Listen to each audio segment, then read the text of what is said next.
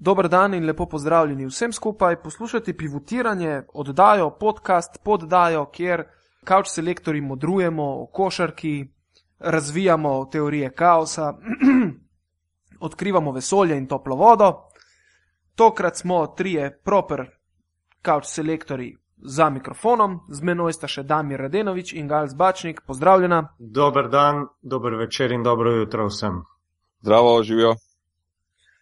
Torej, uh, nič. Za nami je v bistvu precej zanimiv teden, pred nami je pa še en, lahko bi rekel, tudi nor teden. Uh, košarkaška sezona se nekako preveša v, kar v konec, čisti konec za, letos, za letošnjo sezono. Uh, v slovenskem prvenstvu se je zadeva že končala, vidva sta bila tudi na kraju dogajanja, tako v Stožicah, ti gal si bil tudi v novem mestu. Ne?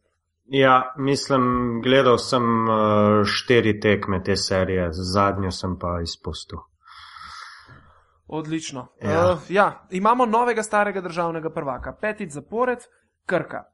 Uh, v bistvu, po eni strani nič nepričakovanega, je pa finalna serija v bistvu ponudila kar nekaj presenečenj. Ne?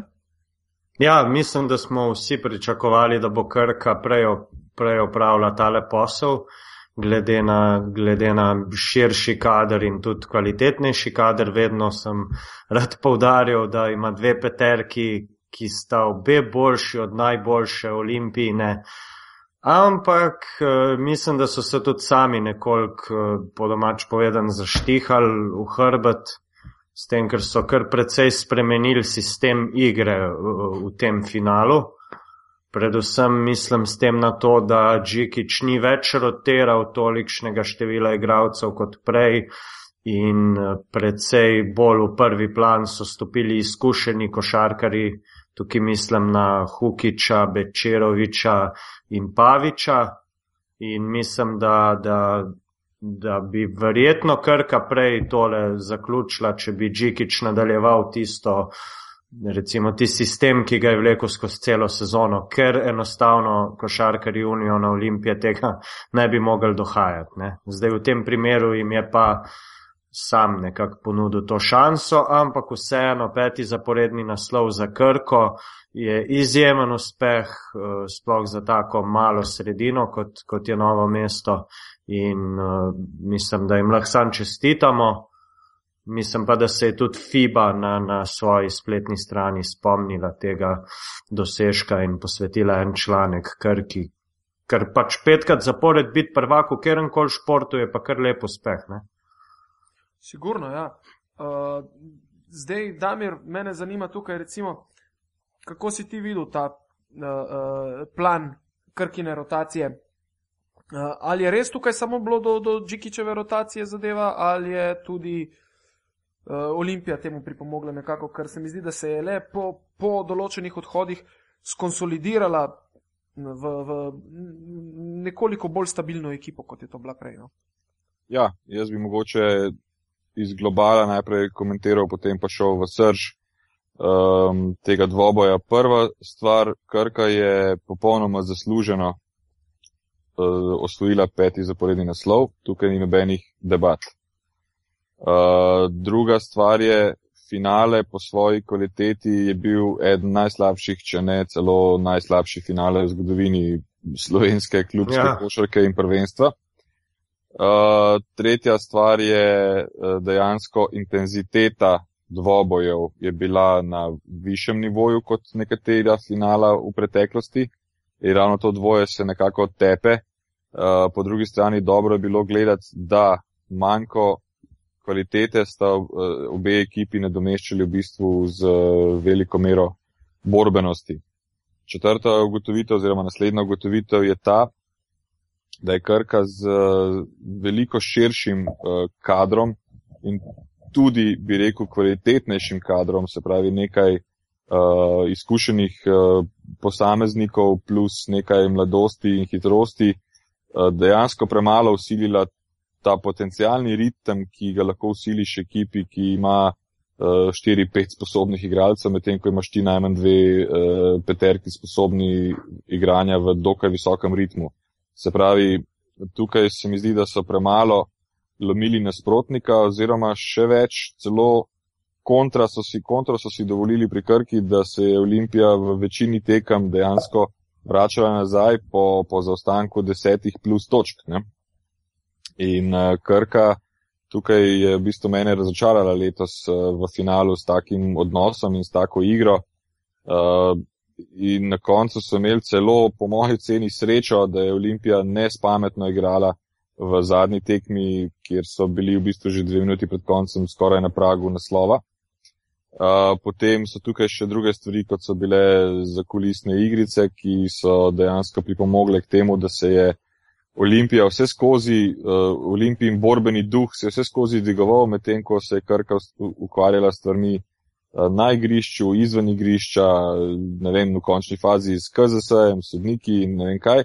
In to je vse pripomoglo k temu, da so dejansko morali odigrati pet tekem, medtem ko uh, tudi lajki, mislim, da so pričakovali, da Krka tole zadevo reši ekspresno hitro, ker Olimpija letos uh, je te dve zmagi, ki jih je dobila in, in konkurenčnost na štirih od petih uh, tekem je pokazala z eno srčno igro in z veliko mero borbenosti. Uh, Džikič je v začetku želel, kot sem jaz opazoval te tekme v začetku, želel imeti tempo in uh, pogoste menjave in uh, rotacijo devetih, desetih, mogoče tudi enajstih igralcev, vendar mu ekipa ni odgovorila nazaj uh, s to željo po povišanju tempa in polomljenju Olimpije.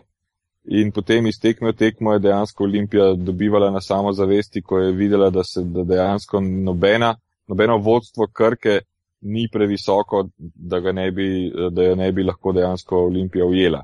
Točno uh, to, ne? Zato, zato je v končni fazi tudi Džikič preštel svoje karte, pogledal komu še zmeraj, kljub temu, da jih je deset v rotaciji, najbolj zaupa in na koncu potegnil črto po to in rekel, jaz bom igral s temi in temi igralci, ki mi lahko dejansko v odločilnih trenutkih uh, prinesejo uspeh.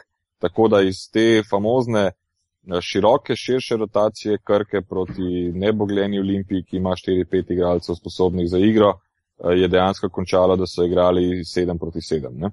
se pravi z rotacijo v red. Ne? In je tukaj Olimpija znivelirala zadevo in bila na isti ravni kot Krka in zato so tudi finala, uh, razen tiste tekme, kjer se je Dino Murič poškodoval, so bila finala v bistvu zelo izenačena do, do konca uh, tekme. Ne? Ja, preko si povdaril to, da nobena prednost Krke ni bila dovolj dobra. Uh, jaz sem dejansko imel tako občutek, da vsakič, ko je Krka povedala za 15, je v tistem trenutku bila Olimpija v psihološko nadrejenem položaju. Ne?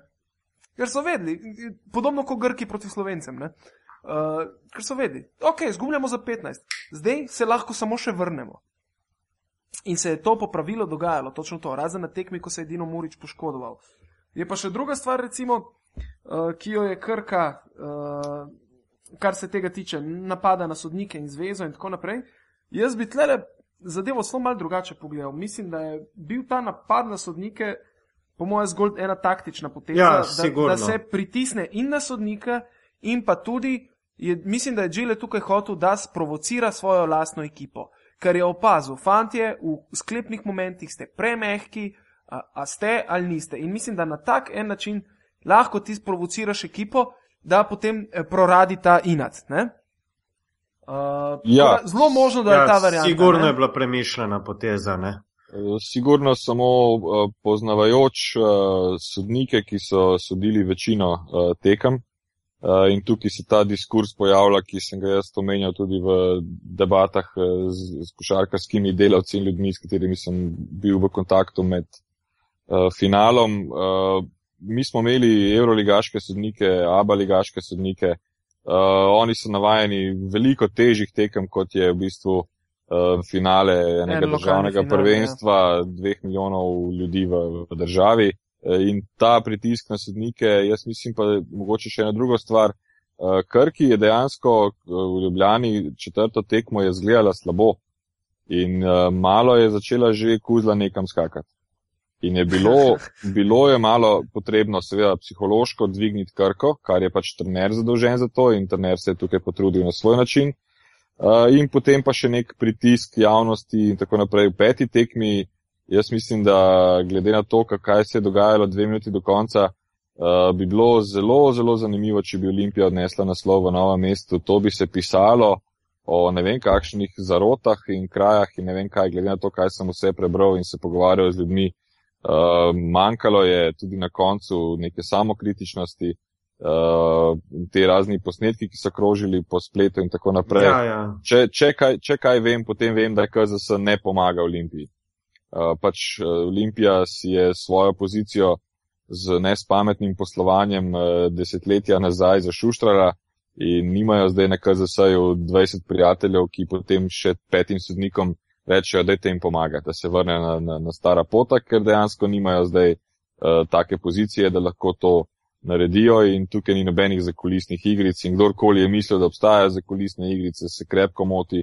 Če bi bile zakulisne igrice, Krka ne bi bila petič zapored prvak, ampak bi jo nekdo na KZS-ju uh, lahko ustavil že znotraj teh petih naslovov. Tako da Ja. mislim, da je to samo mešanje megle in neko, neko, neko, neka slovenska značilnost, da za vse so neki, neki drugi krivi, ne da drugače bi pa mi ne vem kaj naredili. Uh, še enkrat, zasluženo so bili prvaki, uh, imajo daljšo klop, so bolj kvalitetni, če samo izuzamem uh, Bečiroviča in Hukiča, uh, če samo dodam Jako Klubočarja, ki je igral življensko sezono letos v, v dresu Krke, so imeli, so, imajo vso pravico se absolutno veseliti tega naslova.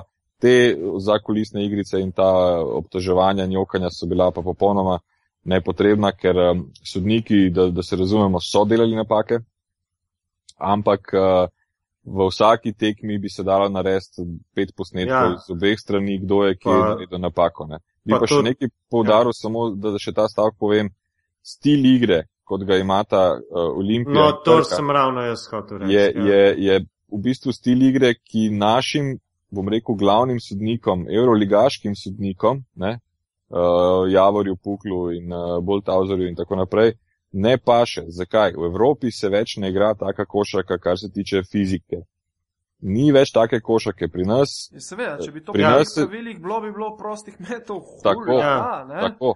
Pri nas, pri nas je v bistvu pre, preslabo so bili pripravljeni igralci v tem smislu, da bi oni lahko bolj čisto igrali. In zdaj sodnik je moral nek kriterij za- zauzeti in ta kriterij je bil nažalost drugačen kot je v Euroligi, kjer so stvari bolj jasne zaradi kvalitete igralcev, ki tam eh, nastopajo. Ne. Pri nas v finalu sem videl toliko enega porivanja, toliko enih drvarskih potez, da, da, da se sodniku, ki, igra, ki, ki sodi Euroligo, samo še zmeša, pa ne ve več, a bi napad prekinjal na 4 sekunde ali kaj bo naredil. A bo, a bo v tretji četrtini zmanjkalo igralcev, a bo na koncu igral 4 na 4. Uh, in in s, takim, s takim tempom sojenja ni šlo drugače, kot da so oni tudi uh, naredili napako. Ne. Bi pa še to povedal, da ta pritisk, ki ga je Krka ustvarila, dejansko izvira tudi iz te sredine, v kateri uh, Krka deluje. Jaz, jaz še zmeri ne morem kot, kot košarkarski gledalec dojeti, da je vsakeč, ko se je tekma igrala na novem mestu in ko je bil prekršek, ki se je naredil tudi z namenom, v končni fazi imaš štiri male faule, preden se bonus uh, izpolni. Na vsak prekršek je bila reakcija, kot da je nekdo igralcu Krke otrgal nogo. Ne? To je nepoznavanje košarke, če me nekdo kdo vpraša, da se na vsako stvar zadereš in potem to dretje je vedno šlo v to smer, da je bilo hitreje, kot je bil reakcijski čas sodnika. Ne? In, in ko je bil udarec po roki, je bilo wow, wow, wow, ne, cela dvorana, medtem ko je sodnik zapiskal tako ali tako, da je bil faval, ampak ta, to, to je ustvarjalo dodatne pritiske in te gledalci, ki so bili uh, v večini, ki so se tako obnašali, mislim, da se morajo še malo glede košarke podočiti, kaj je faval, kdaj je faval, kaj je močen faval, kaj je nešportna osebna in tako naprej. In tako Ja, naprej. ja, publika To- v to je novem mestu je folklora, specifična, je, ne, publika v novem Ja. mestu.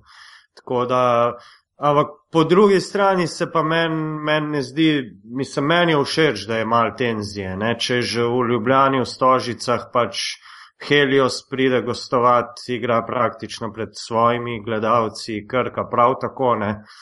Mislim, da, dobro, pustimo te stvari, ki grejo preko No. meje, ampak recimo do določene, do določene ravni je, je ta folklora kar v redu, ker mislim, da se sam tako lahko nekako dvigne, ne? ker mislim, ja, da je javnost kar anemična postala. Samo gal, jaz se s tem samo deloma strinjam. Te tenzije so v redu, derbi naj bo, uh, naj, naj se to rivalstvo ustvari še za dolga leta naprej. Ampak uh, edina stvar, ki jo jaz krki zamerim uh, v, v letošnji sezoni, je to, ne more biti cilj takemu klubu kot je Krka, ki ima kvalitetno urejeno organizacijo za slovenske razmere, ki ima dokaj kvalitetne igralce za slovenske razmere, ki ima trenerja, ki je, ki je NBA, ki ima trenerja, ki je NBA dobro povohal. Uh, v bistvu se celo sezono igra na to, da se dobijo v finalu z Olimpijo. Kje ste v ABA ligi? Ste, zakaj ne izborite Evropo skozi ABA ligo? Olimpija je bila kljub samo vlečni kon vsa ta leta, vi ste zdaj prevzeli primat in ne skrivajte se za temi naslovi prvaka Slovenije, ki vam prinašajo samo prestiž in hvaljanje v gostilni naredite nekaj še dodatno za slovensko košarko in pejte v Evropo in tam naredite nekaj. Euro, Euro Challenge je vrhunska stvar in takrat so oni za slovensko košarko naredili ogromno, ogromno, toliko kot je dejansko Olimpija leta 1994 naredila z, z, z pokalom pokalnih zmagovalcev, ampak to je treba nadaljevati, ne pa da v, v, v ABA ligi igraš nekako na 50%, 13 zmag, 13 porazov, na pamet govorim, in potem osvojiš sedmo mesto in potem razmišljaš, če boš prišel v Evropo ali ne boš, namesto da bi se potrudil. Ja, je pa, je pa tudi tukaj res, da, da krka ima določene omejitve. Ne? Zdaj, jaz mislim, da če bi bila infrastruktura na, na nivoju nekem, kot, kot bi si jo tudi zaslužil in si želim, da bi jo čim prej prišel do te dvorane, naj bo to povečan štukal, ali pa nova dvorana, mislim, da v tem primeru bi tudi ambicije verjetno šle nekoliko gor. Ne? V tem zdajšnjem primeru se pa vrtijo v začaranem krogu. Ne? Ja, samo gal, to ni, to ni na igralcih, da tako razmišljajo. Ne, seveda ne, igralci, seveda ne. To, to, to govorim cel stroj kluba v povezavi z glavnim sponzorjem. Na igralcih je, da prisilijo klub. In ja, samo če, če, če, ti veš, če ti veš, kakšni so okveri, uh, Mislim, Poglej. seveda se strinjam, da, da na igrišču bi lahko pokazali več, ampak se pa bojim po drugi strani, da tudi če bi izborili Eurocup po pač formalni poti, kar je šesto mesto, ne sedmo, ker vidim v medijih, da, da se tudi sedmo mesto kar karakterizira, da to še pelje v Eurocup, kar seveda ni res, tudi lani ni v, v zoženem Eurocupu, kot bo to v naslednji sezoni, pa sploh ne. Uh, je pa zdaj vprašanje. Ne? Mislim, da tudi za Eurocap dvorana ni, ni, ni primerna in slejko prej tudi za Abba ligo ne bo več. Seveda, da... Samo poglej, kljub vsemu. Prej, pred par minutami smo govorili, kako so krki navijači strastni in specifični, intenzije velika in tako naprej. Krka, če bo tako uspešna, da se, da se plasira v Evropo, naj prisili uh, upravo, da se uvrsti v Evropo, naj igrajo tekme, če jim v Ljubljani ne paše zaradi mogoče kakršnih koli tenzij med uh, Krko in Olimpijo, lahko v Golovcu igrajo in tako naprej in tako naprej. Te navijači, če so tako strastni, bojo prišli. Jaz vidim drugo težavo, kolikrat smo gledali Abba Ligo, kjer dvorana ni bila ja, ja. nižno polna in, se, in hočem povedati to, da je napaka, po moji ceni, se fokusirati na to Olimpijo in potem tam napolniti štukla, medtem ko so druge tekme, ki so ravno tako pomembne, če ne še bolj pomembne za slovensko košarko, kjer bi ti lahko te navijače z raznimi stvarmi pripeljal v, v, v sredino, kjer je pač dvorana ustrezna za igranje Evrope. Ker pa tega ni, se pa dejansko ta zadeva kompletna zbledi skozi celo sezono, so bledi, so polovičarski, medtem ko se potem napalijo na Olimpijo, kar je absolutno legitimna pravica, in tam dobijo pokal in zdaj so končali sezono in potem spet ni nove dvorane, spet ni novega ne vem kaj. Ne? To, to jaz tukaj hočem krki, da, da, da gre na višji nivo. Ja, sigurno. Tudi tud to, mislim, to je, da si je, kar vsi želimo. To je, to, je, to je nivo, ker višji nivo krke, da Olimpiji sploh ne razglabljam, višji nivo krke, višji nivo Olimpije pripelje spet nove ljudi. Uh, evo, recimo, Matjaš Smodiš je, hvala Bogu, naredil to, kar, kar si vsi želimo, prišel je nazaj v svojo sredino, populariziral košarko v novem mestu do nezavesti in to je najboljša stvar. Ja, to je res, čeprav mislim, da si ga lahko oziroma si ga želimo upravičeno na kakšni vlogi, ki bi dejansko imel mal več škari in platno v svojih rokah. Pa dobro, vprašanje je tudi, če je to njemu potrebno. Ja. Mi včasih te fante, ki so recimo igrali v tujini, NBA in tako naprej, včasih tudi ne razumemo, da marsikdo od njih bi rad pa tudi mal miru imel, ne, zaslužuje za, za pet življenj, ne, uh, mogoče mu pa niti ne paše. Ampak hočem ja. povedati, da dovolj, dovolj so naredili, če so se vrnili v neko okolje, kjer popularizirajo košarko. Hočem to nadaljevati s tem, kar sem hotel povedati, da v novem mestu zdaj toliko in toliko novih dečkov in na dolenskem novih dečkov, ki prihaja, ki jih je treba naprej spravljati in zdaj Matjaš je naredil svoje. Zdaj mora pa še kljub narediti svoje, ne samo pri vzgoji, ampak pri perspektivi, da pokaže dečkom, poglej, če boš pa ti priden, dober, rastu, treneru, boš pa z nami v Evropi igral. Zdaj pa kažejo v bistvu sliko mladim dečkom, fanti je važno, da boste vi, ko boste odrasli, če boste igrali košarko, važno, da boste premagali Olimpijo. Yeah. Ja. Stalo ni pomembno. Ni res, za slovensko košarko je to premalo. Ja, sigurno, to se strinjamo. Je pa, je pa to neka ironija, ne spet. Olimpija, nova dvorana, ena najlepših v Evropi, pa vemo, kaj je. Ne? Po drugi strani imaš pa Krko, ki, ki nekako to Olimpijo redno premaguje in je nekako prevzela primat tega paradnega konja v slovenskem basketu, pa dvorane nima. Ne? Ja, to je, to, je res, to je res tako ne? in tudi mislim, da zaradi tega obstajajo določene tenzije ki se kažejo tudi v družbenem življenju, pač vedno je ljubljena proti preostanku, kar se meni zdi absolutno narobe, ampak dobro, nekateri no, mogoče. Dobro, to je spet folklora, ki se ne da eh, zožati samo ja, na košarko. Seveda se ne da, ampak po drugi strani, kot sem rekel, uh, stožice so 68 km stran od Štukla. Uh, pejte v Evropo, stožice, uh, pridite v stožice, poleg vseh novomeščanov bo še toliko in toliko ljubljančanov prišlo na tekmo in te bo podpiralo, da boš v Evropi predstavljal Slovenijo. V bistvu, ne? in to ti mora biti cilj, zato jaz o tem govorim. Da pa, ker sem zdaj mogoče malo preveč. Mogoče krič... pridejo še Green Dragons, glede na to, da ne bodo na Olimpiji. ja, dobro. Ampak bi pa rad vsem to, to, to povedal. Uh, zdaj sem bil dokaj kritičen do, do, do Krke, še enkrat. Zaslužil so si ne to peto, ampak vseh pet zaporedama, ker Olimpija enostavno uh, pada, uh, prej finančno, sedaj je tudi igralsko padla. In uh, naredila je letos največ možno v tem finalu na, na, na dokaj fanatični borbenosti. Jaz recimo sem za njih zelo vesel, da so se tako na koncu sestavili, ker kvalitete dejansko nimajo dovolj. Imeli so pa neko kemijo, ki se je iskala celo sezono, pa se ni našla. Uh, na koncu so pa v bistvu teh zadnjih pet tekem uh, pokazali, da so nek kolektiv in da zdaj z novo sezono se da tudi na Olimpijo gledati z bolj optimističnimi ja. uh, toni, kjer lahko pri sestavi ekipe mečkan uh, opazijo in mislim, da bojo spet naslednje leto lahko sestavili bolj solidno ekipo, kot jo imajo sedaj. Ne? Ja, dober si se to. Bolj solidno ne vem, glede na to, da se govori, da bo manj denarja. No, to, tole... uh, to, ni, eh, to ni vse. Vem, da ni tole... vse. To pomembno bo selekcija, ki je letos bila za forum. Ja, tole... Vsi Tale nastavek je bil, je bil kar na mestu, zdaj ja, kaj, kaj naprej. Uh, mislim, da, da oba trenerja ostajata v sedlu. Ne? Za Džikičevo ja. izjavo vemo, so ga vprašali, če ostaja v novem mestu, pa je rekel, da dokler ga bo klub, klub prenašal, bo ostal, kaj ti vemo, da je težak. Ne? Tako ali drugače. Uh, po drugi strani pa naj bi ostal tudi Aleš Pipan. Ne? Zdaj Je pa to zdaj, bomo videli, kaj bo, kaj, kaj se pričakuje zdaj, recimo, za, za naprej. Meni je prvi del, recimo, jasen, da Džile ostane. Spet ja. je osvojil dvojno krono, prvič v zgodovini. Ja, sigurno. Jasno je, ima svoje mane, je kakršen je. Ne? Uh, predvsem njegovo komuniciranje z novinarji je poden, totalen.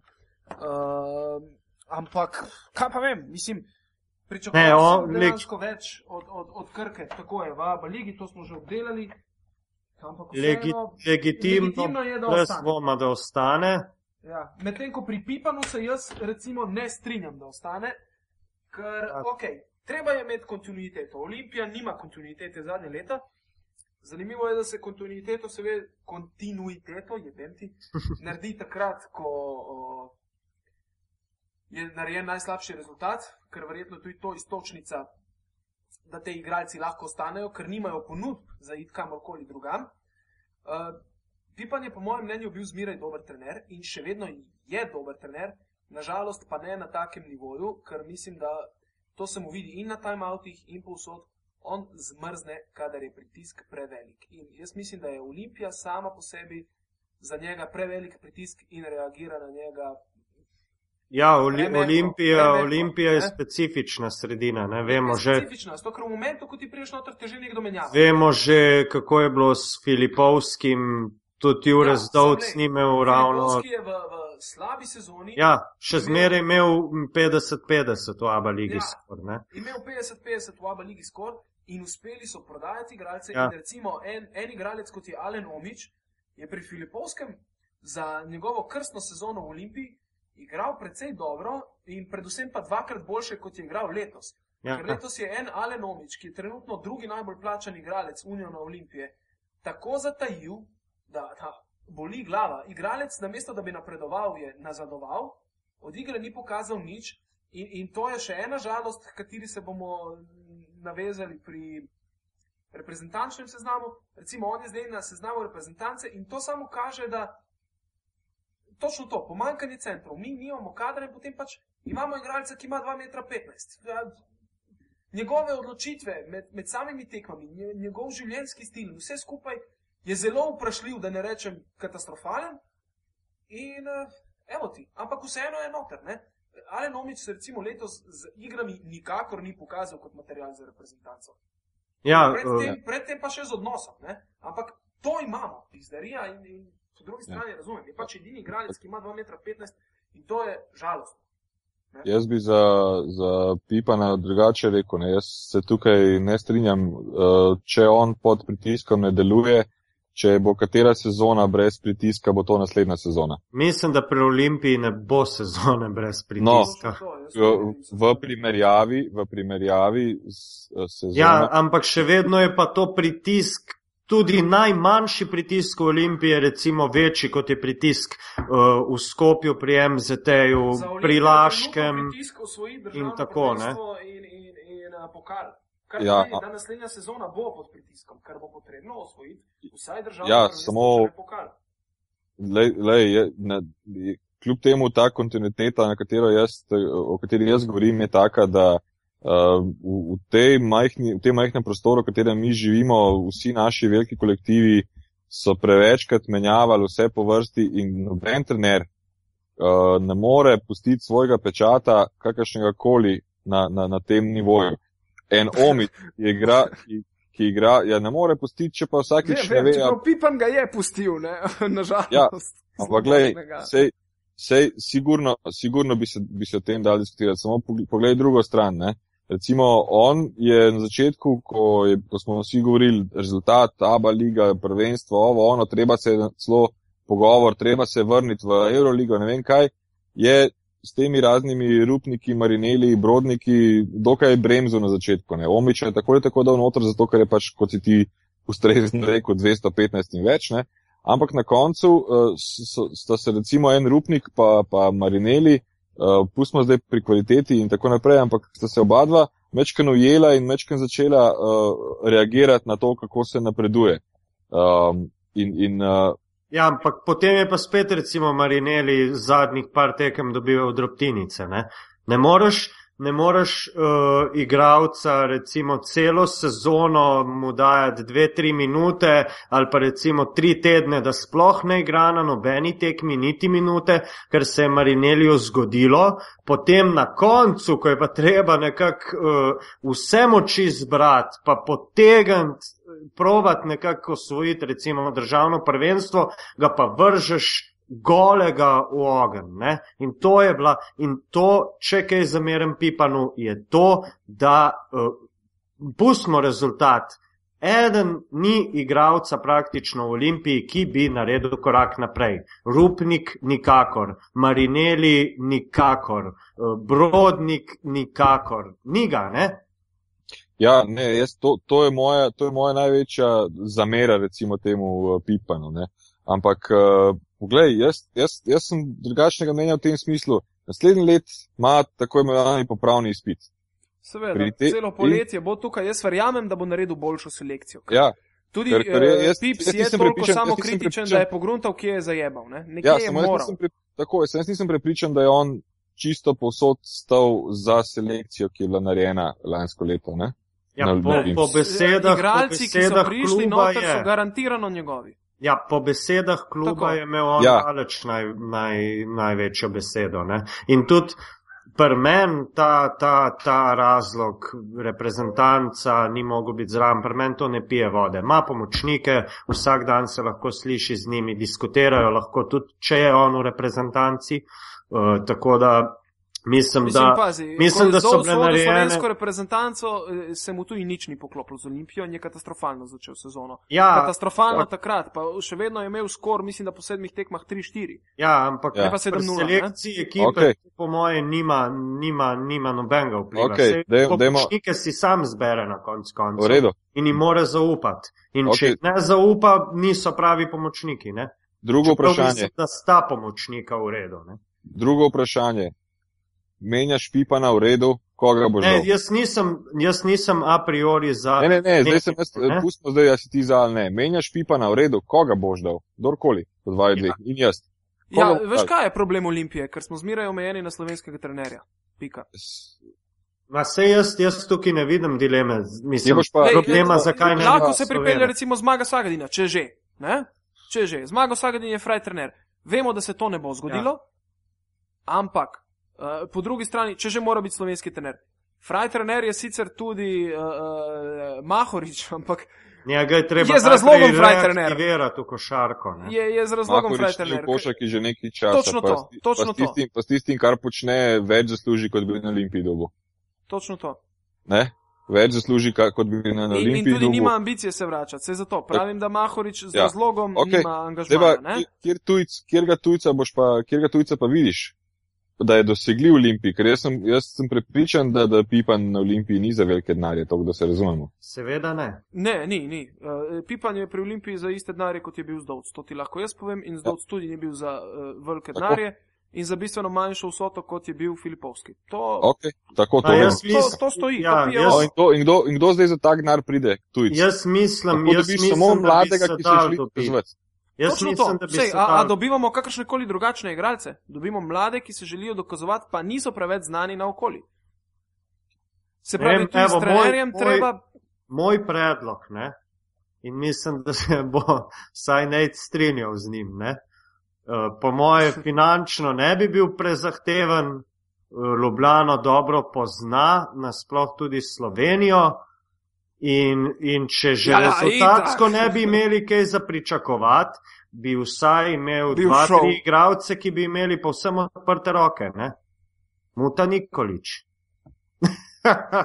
Jaz, jaz, jaz za muto navijam. Sto, ker, Po drugi če, strani če je pa- že cirkus, naj bo cirkus Ja, do konca. po drugi strani je pa tudi vprašanje zdaj nivoja tekmovanja. Če bo Olimpija slučajno, ampak mislim, da je za to vsak dan manj možnosti, uh, igrala v Eurocupu, mislim, da bi marsikateri jugo trener, uh, ki, ki mogoče je imel mal slabših izkušenj ali pa slabših rezultatov v zadnjih sezonah, eh, prišel sem. Samo, Tako, Konec koncev ima tudi. Olimpija v mladinskem pogonu, recimo, kar ima sicer za dlje časa, ne, uh, ker so se odločili delati projekt Mladinske ja, Olimpije. Gašparja, Gašparja Potočnika, ki je osvojil državni ki je državno naslov prvenstvo osvojil precej lažje kot Džikič, recimo. Z, z, Krko in Ja. z Olimpijo. Ne? z Olimpijo, ne vem, kot Ja, pomočnik. je, kot pomočnik. Ja. To so vse variante, ne? ampak eh, v vsem tem, eh, kar se zdaj pogovarjamo, na, lahko mine še ena sezona, v kateri je treba Pipana še pustiti pri miru. To je po mojem mnenju še zmeri. Ne? Ja, jaz Absolutno. mislim, da eh, druga sezona mu ne bo tako slaba kot letos, to sigurno. Uh, tudi igralski kader, kolikor jaz vem, ne bo preveč prezračen. Ne?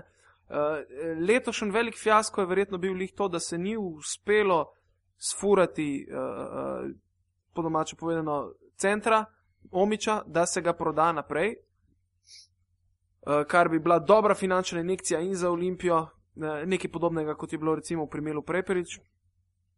Mm, In pač to se ni zgodilo in to je krivda tako igralca kot trenerja, verjetno. Ja, obeh, no, ampak ne. eh, krivda, krivda je tudi ta pri selekciji, kar lahko spet okrivimo trenerja, ampak eh, je tudi karakter igralcev, ki so sploh na začetku sezone kazali različne obraze glede na tekmovanje, ta enega v Eurokupu, drugega v ABA ligi in tretjega v nekem prvenstvu državnem, ki je šele prihajalo. Ne?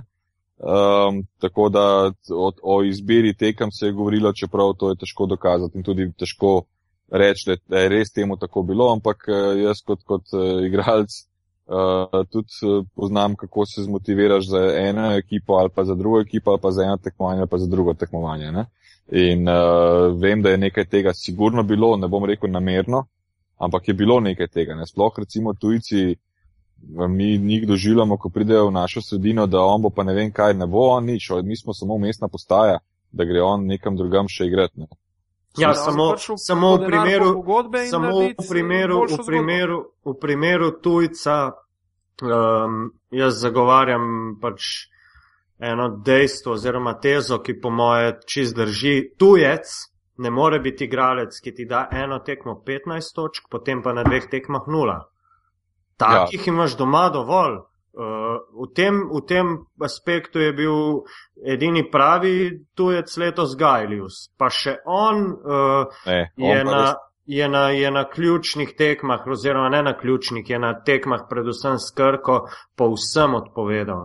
No, po drugi strani imaš pa, si pa imel tri ostale tujce, ki, ki pa, mislim, ne vem, no, Stevensonu ne moremo nič očitati je borben, ima pač svoje limite, ki jih ima vsak, ampak saj dajo vse od sebe. Ne? Sem pa zelo, zelo dvomim, oziroma sam se sprašujem, kako na kakšen način je lahko strokovni štab izbral Cedrika Jacksona.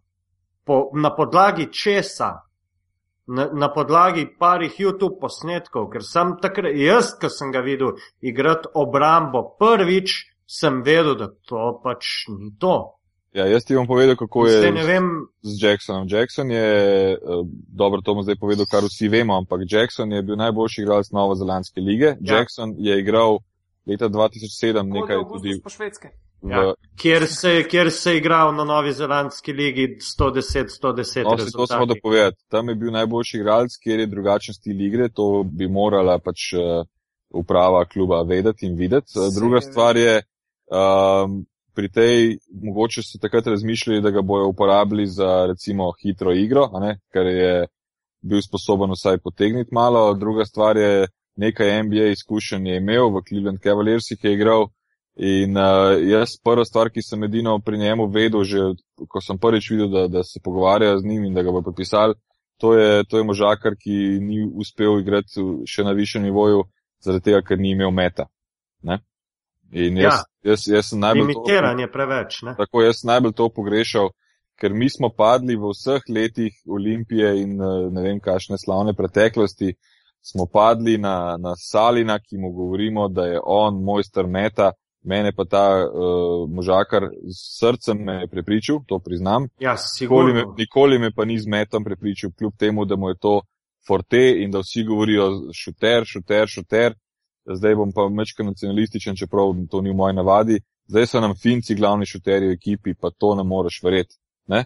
Ne, mi, pa, mi, pa, mi pa mi ja. pa to kasov naredili v. v, v po, drugi, v... po drugi strani pri njemu je tak ta problem, ki je bil že od začetka, za dvojko je prenizek. In ja, on proti, proti s tako višino, s tako konstitucijo je uspel iz glave samo Juan Carlos Navarro.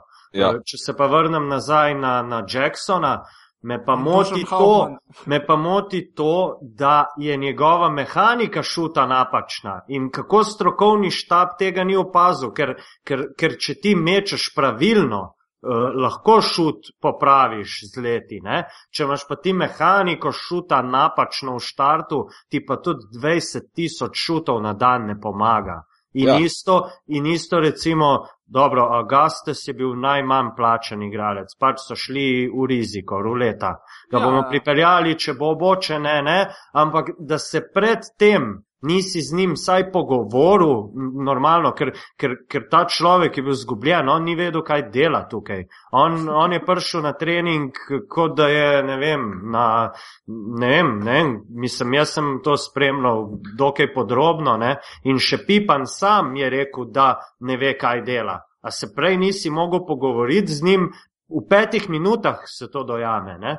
In, in, in, in vse bolj mislim, tako kot se pač javnost v komentarjih kdaj dela norca, da je šlo v teh dveh primerih za YouTube nakupa, ker druge, to mi je edina razlaga. Ne, Ne, Fantasy Liga je druga razlaga. ja, ker recimo Malcolm Armstead je, je prišel direkt iz koledža, ni igral Ampak nobene. ja, ni igral- izjemen background, Ja. ne, psihološki. Ja, Moč- ni igral nobene članske košarke v življenju, za razliko od Jacksona, Augustusa in eh, Stevensona. Ne? Pa, pa se vidi, kakšen človek je. In tukaj uh, je, je verjeten Džikič kot, kot, poznavalec NBA in seveda ima verjeten v Ameriki en kup ljudi, ki jih lahko vpraša, če že sam ne ve. In te ljudje so mu pač svetovali, in menedžeri, in tako naprej, da, da je fant pač na mestu.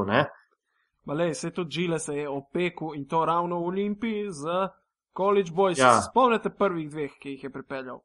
Ja, se. On, ki je imel dres od klubučarja, ki je zginil še pred začetkom sezone, in Jonathan Wallace, Ja. Ki je sicer imel lepo tehniko metanja, znal za Detrojko, ali žal ni prišel v to pozicijo nikoli, ker je imel blazne težave, da je pripeljal žogo čez polovico. Ne? Ja. Čeprav Jonathan Wallace, kolikor vem, zdaj igra uspešno profesionalno košarko, mislim, da v nemški ligi, tako da se je uspel adaptirati na evropski način. Ne? Ja, on je za Bayern pol igral nekaj časa. Ne? Za Bayern je igral, jaz sem ga pol zgubil, mislim, da je pol se še selil po raznih teh nemških smešnih klubih. Kako ga ti zgubo, če si v Nemčiji? Porka, da... Pa ti veš, da tle je košarka tako obskuren šport, da je glava. Ja, Vem, vem, vem.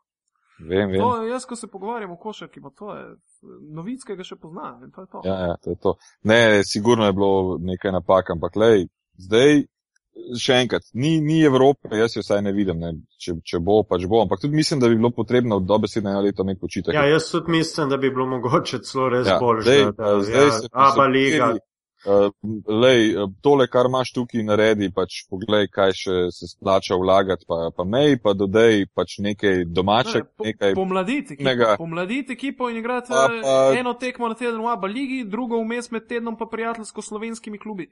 Točno to. Raznimi Slovani, uh, Heliosi, če bojo še obstajali, pivovarno Laško in, in tako naprej. In, in, in jaz bi še zmeri pripeljal uh, uh, dva tujca, enega zelo izkušenega, pa enega močno, močno željnega, motiviranega. Ne? Eh, Zanj smo, zanj sem bral eh, človeka, dajte me najdete ime, ki je v Makabiju zdaj osvojil, uh, Riki Hickman. ki je igral v Romuniji. pa Riki na- Hickman, ja. ja no.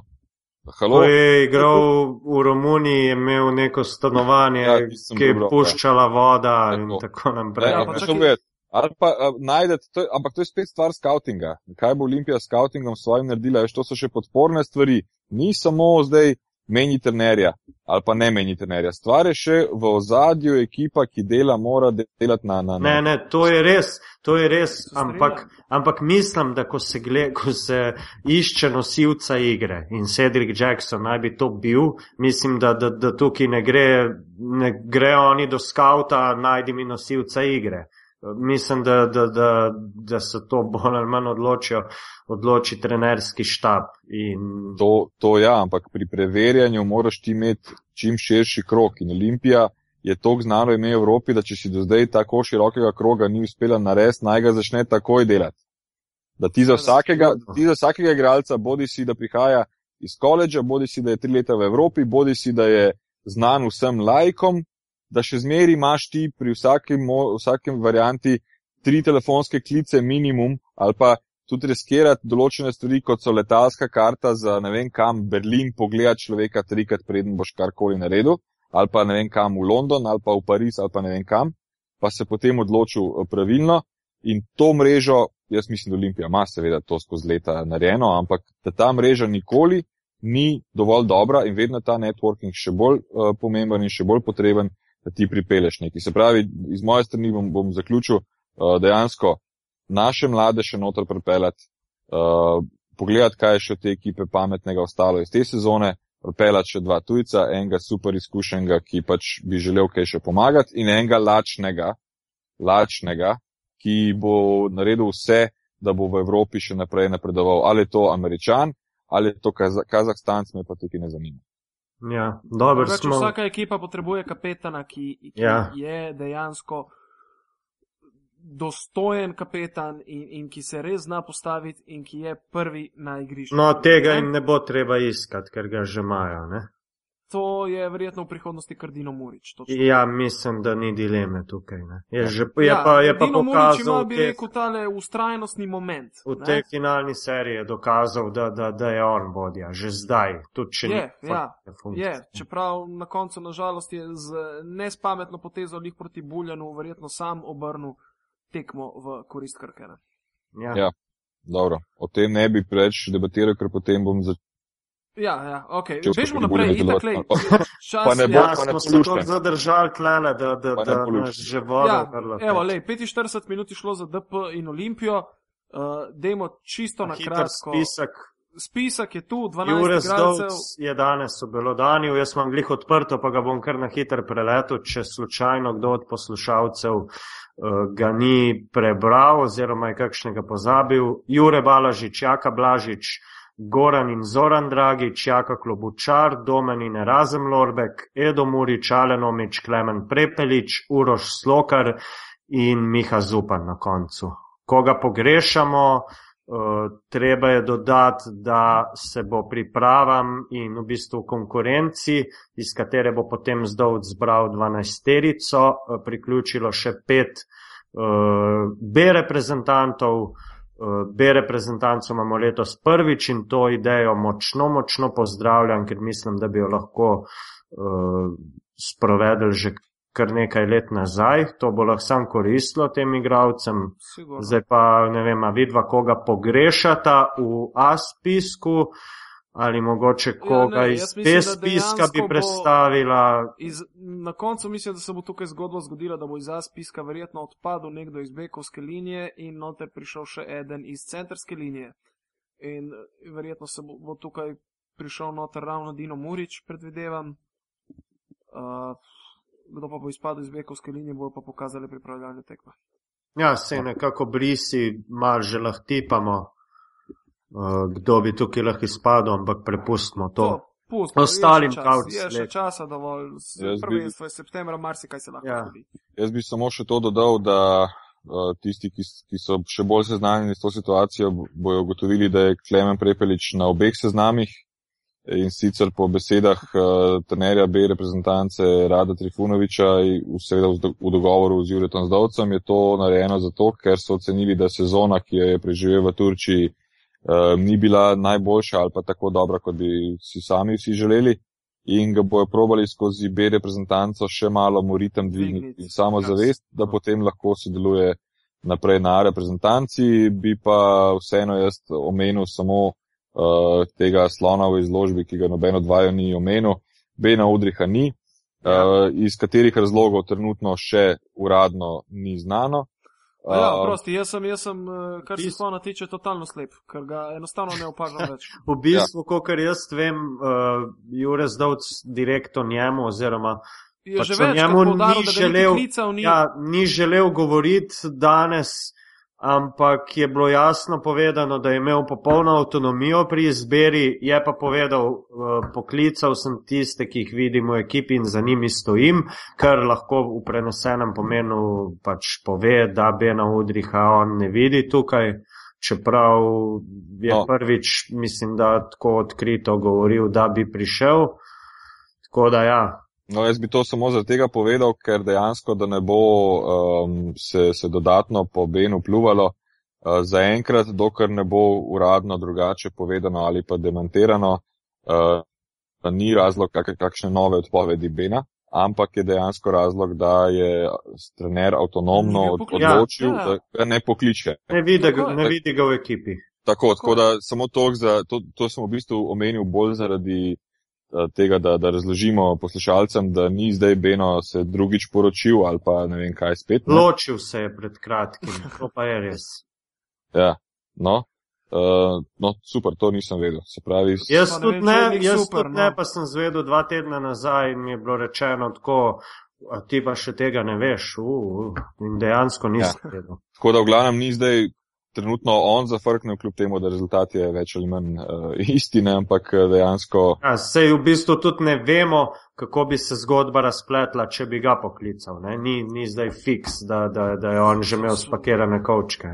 Ja, žabe, žabe, se, se, je pa, se je pa po komentarjih sodeč okrog in po pogovorih uh, veliko polemiziralo glede uh, Alena Omiča. Eh, bi pa samo to povedal, da nas eh, bodočnost, kot smo že v ene parih eh, pivotiranih povedali nazaj, na višini bomo zelo, zelo trpeli v bodočnosti, ker ni, ni fantov 210, plus, ki bi se sedaj kazali v nekih obrisih, da bojo perspektivni. Ni uh, Brezcev, ni uh, Nesterovičev. Ni Smodišov. Smodiš, smodiš, smodiš, smodiš, jaz govorim, jaz govorim smodiš, nisem smodiš omenil, jaz govorim 210 plus. Aha, ja, ja. Ja, tega ni. Tega ni. V, v 20, kot smo rekli, že enkrat v preteklosti najvišji 204. Uh, in, in Alen Omič po neki inerciji, mogoče ga bo pa celo Jure uspel zbuditi za naslednjo sezono za Olimpijo, recimo temu. Ne? Ja, upam, sto, ker pri uh, Alenu se jaz bojim, da ima zdaj nažalost podpisano pogodbo svojega življenja in da bo tukaj muslo samo se navzdol. Zaenkrat tako zgleda. Ja, ampak. Ne zgleda pa, da se on tega zaveda.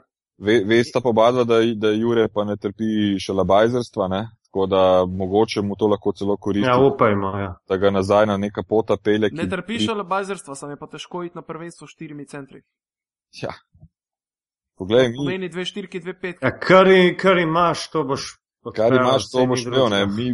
Jaz pač vidim po tej postavi, ki je pač eh, poklicana drugo kot eh, ekstremno hitro igrati, ja. nam, ne bo, nam ne bo preostalo, če hočemo upati na kakšne koli rezultate. Na, na, na krilih bratov Dragič in Jake ja, Blažiča. Točno to, ne, točno to. Tako da ni, jaz osebno nimam nekih pripomb.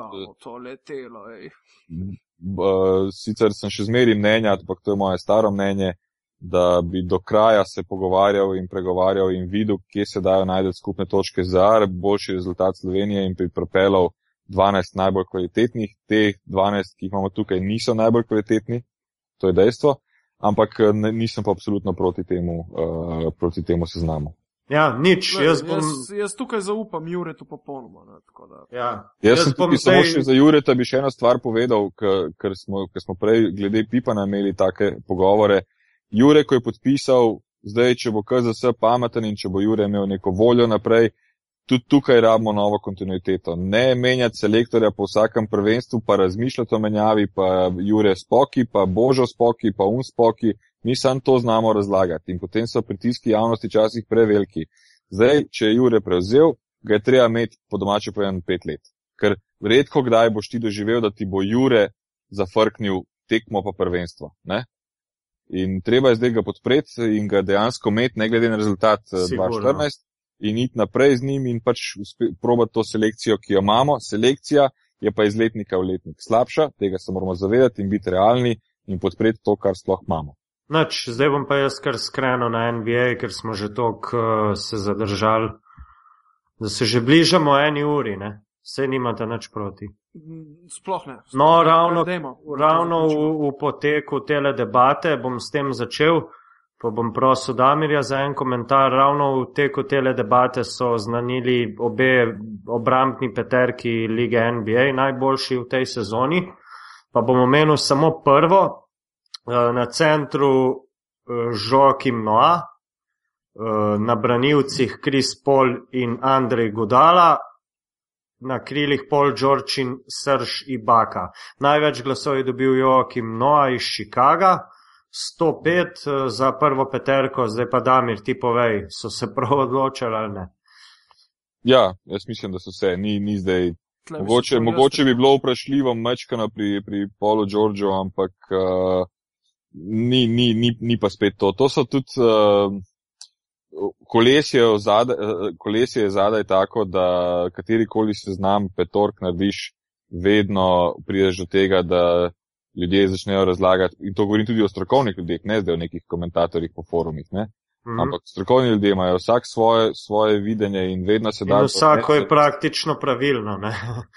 Vse, vse, tako, ampak vse je to lahko do nezavesti analiziramo, ampak jaz mislim, da ta petorka bo kar že držalo do, do, do neke mere in mislim, da niti ni neke uh, neke, vsaj z moje strani, ni neke hude razprave, ne? ker bom tudi to navezal glede na finale, ne? Uh, ko je razprava, ki, ki so jo upravljali strokovnjaki med seboj, kdo bo zmagal v finale NBA. Pa, mislim, to je tako, kot da boš v kristalno kroglo gledal. To, to so razlike tako minimalne, da ne moreš tako zelo utemeljiti, zakaj bo en ali drug eh, prvak. Isto tako ne moreš tako zelo utemeljiti, zakaj od petih so trije si zaslužijo biti v obramni petorki, ja. dva pa ne, ne. Ker potem je spet problem, da ta druga dva, ki jih ti daješ, imata svoje pomankljivosti, ki ti jih lahko tretji eh, strokovni analitik dejansko pobije in reče, ja, pa nista pa to naredila, nista pa tisto. Jaz, glede na sezono, ki sem jo gledal, bi to uh, znala biti kar, uh, kar, kar ta prava uh, petorka. Ja, uh, v noči na petek se bo odigrala prva tekma letošnjega finala, ponovitev uh, lanskega. Eh, s to razliko, da ima prednost domačega igrišča San Antonijo, ki bo prve dve tekmi igral doma, na to sledijo tri v Miamiju in potem še more bitni dve spet v San Antoniju. Gal, tukaj bi te moral popraviti. Žal, uh, sistem se je spremenil. Aha, ja, ja. Oh, ena, ena, ena, gre pa. Ja. Dva, dva, ena. Isti ena, sistem kot, kot prej je bil in hvala Bogu, ker, ker to, to sem vedno, mi ni bilo jasno. Sistem 2-3-2 dejansko ja. zmanjšuje, kako bi rekel, zmanjšuje dosežke v rednem delu sezone. Zato, ja, ker ti dejansko, če si, če si zmagal uh, eno tekmo. Eno ne, tekmo od prvih dveh imaš prvih potem dveh, že imaš doma. Tri, ja. tri doma. Ne, in tri doma pomeni, da lahko doma končaš serijo. In to 2-2-1-1-1 je bolj fair in jaz dejansko letos igrajo. Jaz sem, tudi, jaz sem tudi vedno pač upal, da bodo to spremenili. Uh, ja, gre za ponovitev lanskega finala. Zdaj pa za začetek bom Damirja prosil, da povej mi uh, razmerje moči v, lanski, v lanskem finalu, pa v letošnjem. Se je kaj spremenilo ali je, lahko rečemo, spet bomo gledali isto štorijo? Ja, razmerje moči se je spremenilo že v tem, da je situacija glede domačega igrišča drugačna. Uh, druga, stvar, druga stvar Jaz mislim, da je San Antonijo na letošnji finale pripeljal boljšo klop, kot je imel lansko leto.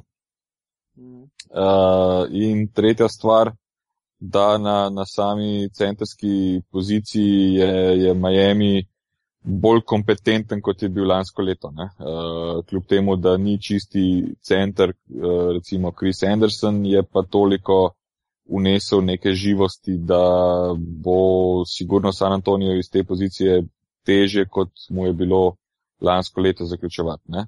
Tako da te, te tri postavke so drugačne od lanskega leta, uh, ostalo pa niti ne uh, toliko, kot je bilo lansko leto. Še zmeraj mislim, da bo to en tako imenovani dogfight, uh, kjer uh, bo marsikatera malenkost odločala. Jaz osebno imam eno predpostavko za kompletni finale in to je, da ekipa, ki bo bolje uh, šutirala za tri točke, predvsem tudi igralci iz klopi, bo imela prednost.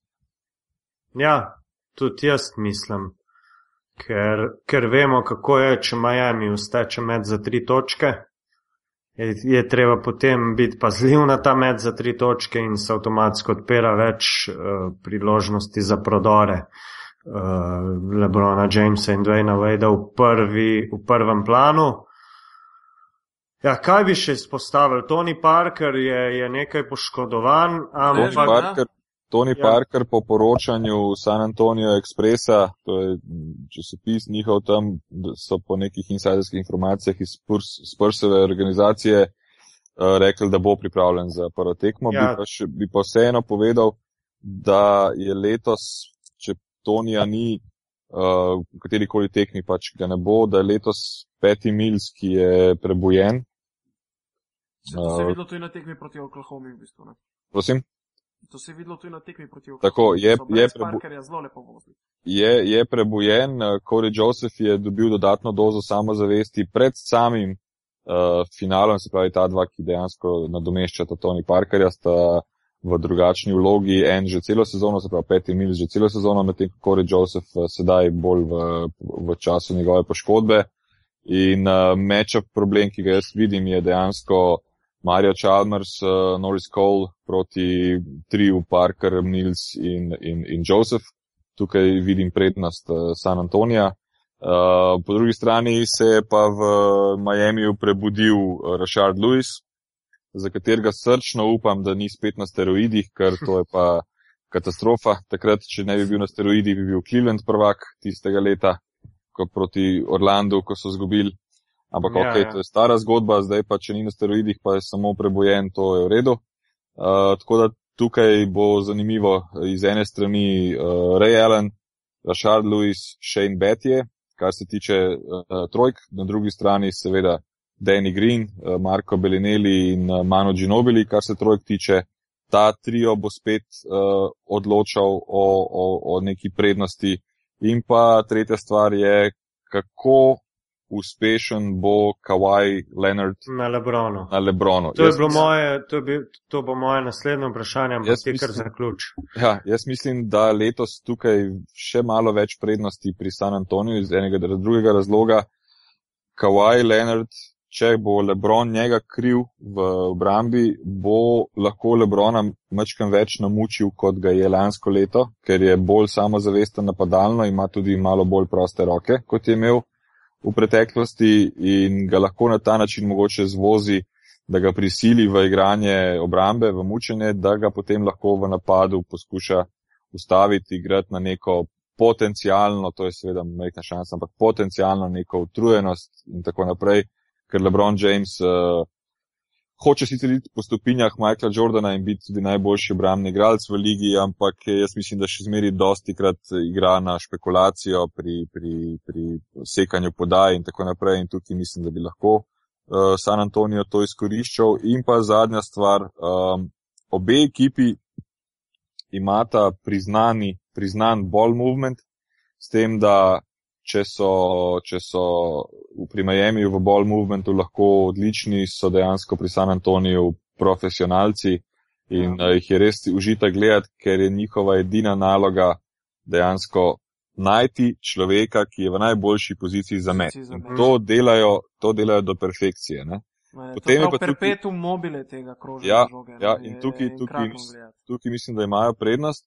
Potem so pa še razni, bom rekel, X-faktori, recimo pri, pri Miami je X-faktor uh, Judonis Haslem, ali se bo on uspel malo steps pod košem pa dati svojih šest pik, ki bojo močno pomagale pri, pri San Antonio X-faktor uh, Matt Bonner, se pravi Red Rocket, Red Mamba, Coach B in milijon drugih vzdelkov. Um, če bo on uspel recimo z dvemi Dve trojke in, ja. in, in, in, in, uh, in v, tem, v tem stilu. In pa zadnja stvar, s katero bi jaz mogoče zaključil uh, pred finalom, ali bo Danny Green zadev kakšno trojko na Floridi. Ja, vemo, če bo, ni, ni, če bo, če bo, bo San Antonio uh, imel še večje možnosti, če ne bo, bo to mučenje. Uh, edino, kar mislim, je pa to, da ne vem, če bo ravno sedem tekem, ampak mislim, da bo ena ali druga uh, odigrala. Uh, šest tekem, uh, ena, dru ena ali druga boste zmagala po šestih tekmah. Jaz sem se pa to drznil reči, čeprav sem prebral. Je, popust, če boš zdaj rekel ta pa ta v tolikih tekmah, pust za na konc. Nisem, jaz sem samo rekel, da bo Aha, šest tekem. Pa pa dobro, pa pa dobro. Nisem rekel, da bo zmagal, ne. Nisem, to bo zmagal. Ne, ampak... ne, sem tukaj, sem te hotel, ker na koncu bomo povedali vsi trije. To, ja, ja, ja, ne, ne, sploh nisem okay. rekel. Ti kar nadaljuj. Um, ja, hotel sem pravno to povedati, da so že v Ameriki uh, peticije, da naj se nehajo ljudje ukvarjati z rezultatom, ker ga je letos tako zelo nemogoče, uh, nemogoče predvideti. Ne? Ja. Zdaj, kako lahko San Antonijo recimo reagira na, na te fizikalije Miamija. Ker eh, v polfinalu, ko sem ga gledal proti Indijani, mislim, to je korak komovc, korak komovc je na trenutke kar težko gledati. In zdaj bi rekel, mm, velika trojka, ki ni tako oklicana v San Antoniju, ampak za me je velika trojka. Uh, kako se lahko izbori s tem. Dobro, za, za Dankana mislim, da ne bo problemov. Sam pri Manutu se mi pa zdi, da že ima malo težav z tem pretepanjem. Ne? Ja, jaz mislim, tako kot sem prej rekel, uh, treba je v bistvu napast Lebrona in Dwayne Wade. Napast ja. je treba. Dejansko jih je treba napast njiju dva. Mu pihati v uho?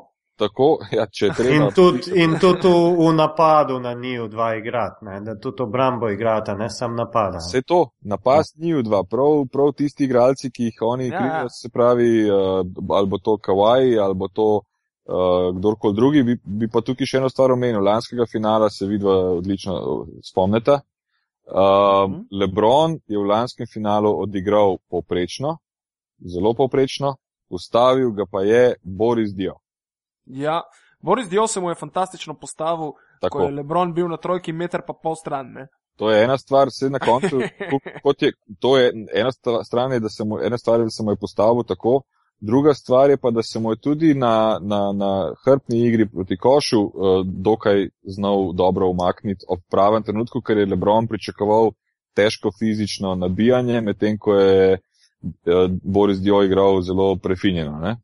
Um, tako da on zna tudi biti faktor, se, če se spomnite te zadnje tekme proti Oklahomi, 26 točkami jih je dejansko on ubil, če samo po točkah gledamo, ampak tudi po igri. Ne? Tako da Lebron bo dobival v bistvu tako imenovane blice, če se lahko izrazim kot v ameriškem nogometu. Blical ga bojo z Kawajem, z um, Borisom Diojem in potem se bo Kavaj menjal na, na Lebronu in na Wadeu. In mislim, da se tukaj največ od njih pričakuje. S tem, da na Wadeu se bo menjal uh, Kavaj z Danijem Greenom, po moji ceni, spet po moji ceni, da ne bi izpadel zdaj neki NBA coach, ker nisem. Um, po moji ceni se bojo menjali in poskušali jih bojo utrujati v napadu igrati na, na te dve poziciji, se pravi proti Lebronu in proti uh, Wadeu.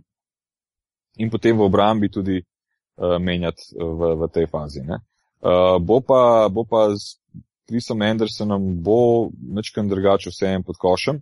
Uh, Miami ima tukaj še Chris Boša, ki se na določenih tekmah v tej, tem playoffu se je prikazal, na določenih je pa bil še v garderobi medtem, ko je bila že tretja četrtina. Uh, mm. Tako da to tukaj bo Miami sigurno iskal svojo, svojo rezervo, ker jo ima, ker uh, Boš um, mora dati od sebe tisto, kar uh, se od njega pričakuje, če hoče imeti kakršne koli možnosti.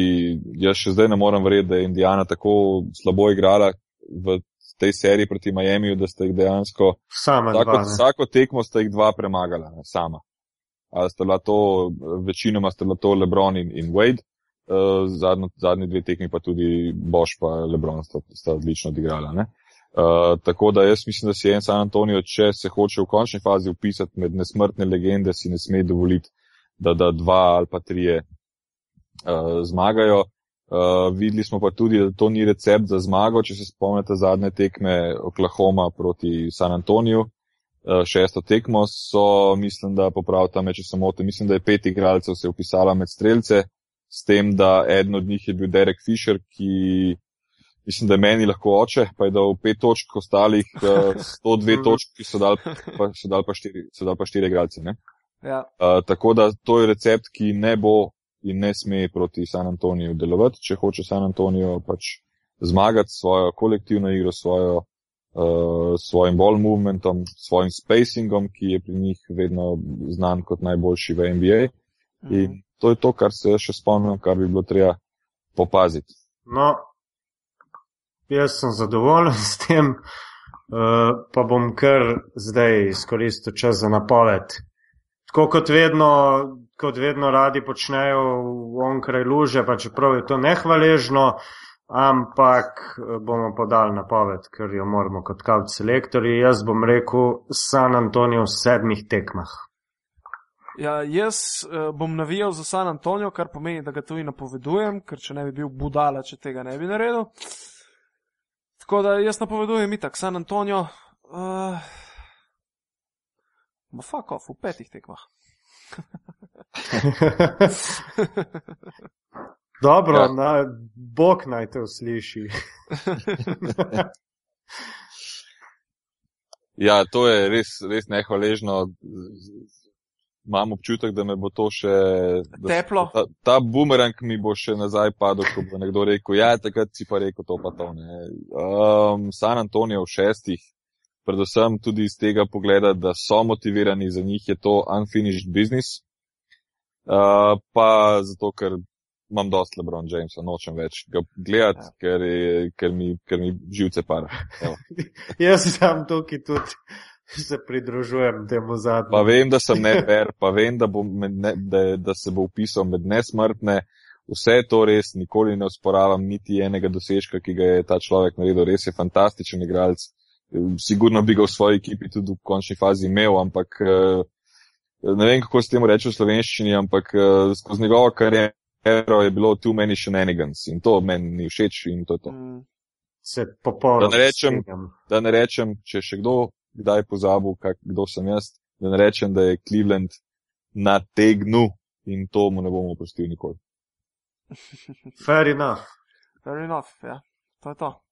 Zaključimo. Pa mislim, da smo več kot vse povedali danes. Odlično. To je to, do naslednjega slišanja. Ej, pazi, pazi, še, še, še en zaključek nas čaka. Ne? Ma to vsi vejo. Mah, to je treba. Jaz Tebe, vsakeč, ko Damirja poslušam, se najde na Twitterju. jaz vsakeč, ko poslušam aparatu, sem že na začetku in na koncu to pove in, Ma Anže je in- dosleden, mi nismo, in, ajde. in vem, da če že zaradi, te, če zaradi drugega ne bi, bi zaradi tega rekel, ajde, vam dal oceno v iTunesih, da bo tiho. enkrat. Ja, No, jaz- evo. Jaz bi, Evo. pa, jaz bi pa mogoče izkoristil to priložnost, uh, da glede na to, da smo pred finalom NBA-ja in glede na to, da uh, pomagam pri tvitanju na NBA Slovenija strani, da vsem uh, obiskovalcem priporočam, da si tudi da sledijo ta account, ker bom poizkusil biti čim bolj svež z zanimivimi in fotografijami in video eh, posnetki in uh, statistiko, rezultati, karkoli bom pač lahko od sebe dal ob teh sitnih satih, kjer bojo tekme. Ne? Uh, in če, če lahko to izkoristim, se pravi, poleg tega, da vas vabim, da me sledite na mojem lastnem računu, ki je afna mrdee25, se pravi Mr. D25, naj tudi pogledajo account, ki, je, ki se imenuje afna NBA SLO. NBA SLO, eh, kjer eh, poskušamo pač imeti nek community, ki se zanima za NBA in ki nas sledi in mu poskušamo pričarati kakšne ja. zanimivosti in, in dogodke. Kdorkoli spremlja NBA in je na Twitterju, nujno. Nujo, sej sem ga že prejšnjič dal Ja. pod linke, ga bom še danes dal. No, mene najdete na, na, na Twitterju pod zbale z dvema L, poleg tega pa še Facebook in Instagram, seveda vse. Z- Na Instagramu predvsem lahko spremljate, Ja. kaj je jedel. Ja, uh, sicer pa je, pa je pivotiranje del mreže Apparatus, aparatus.si z dvema P, tam najdete vse epizode pivotiranja, poleg tega ima pa pivotiranje tudi svoj profil na Twitterju, afna pivotiranje in pa tudi svoj profil na Facebooku, podcasti so pa tudi uh, v iTunesih, kjer bo vsaka ocena dobrodošla, bi rekel naš guru Anže. Zdaj pa to, to iz moje strani. Z moje tudi, evo, jaz sem Tibor Jablonski na Twitterju, uh, to je to, link bo spodaj. Ja, lepo zdrav, pa hvala vsem, ki se boste pregurali skozi tale podcast. Pa naslišanje do prihodnič. Na slišanje, ajde. Ja. Hvala, živijo.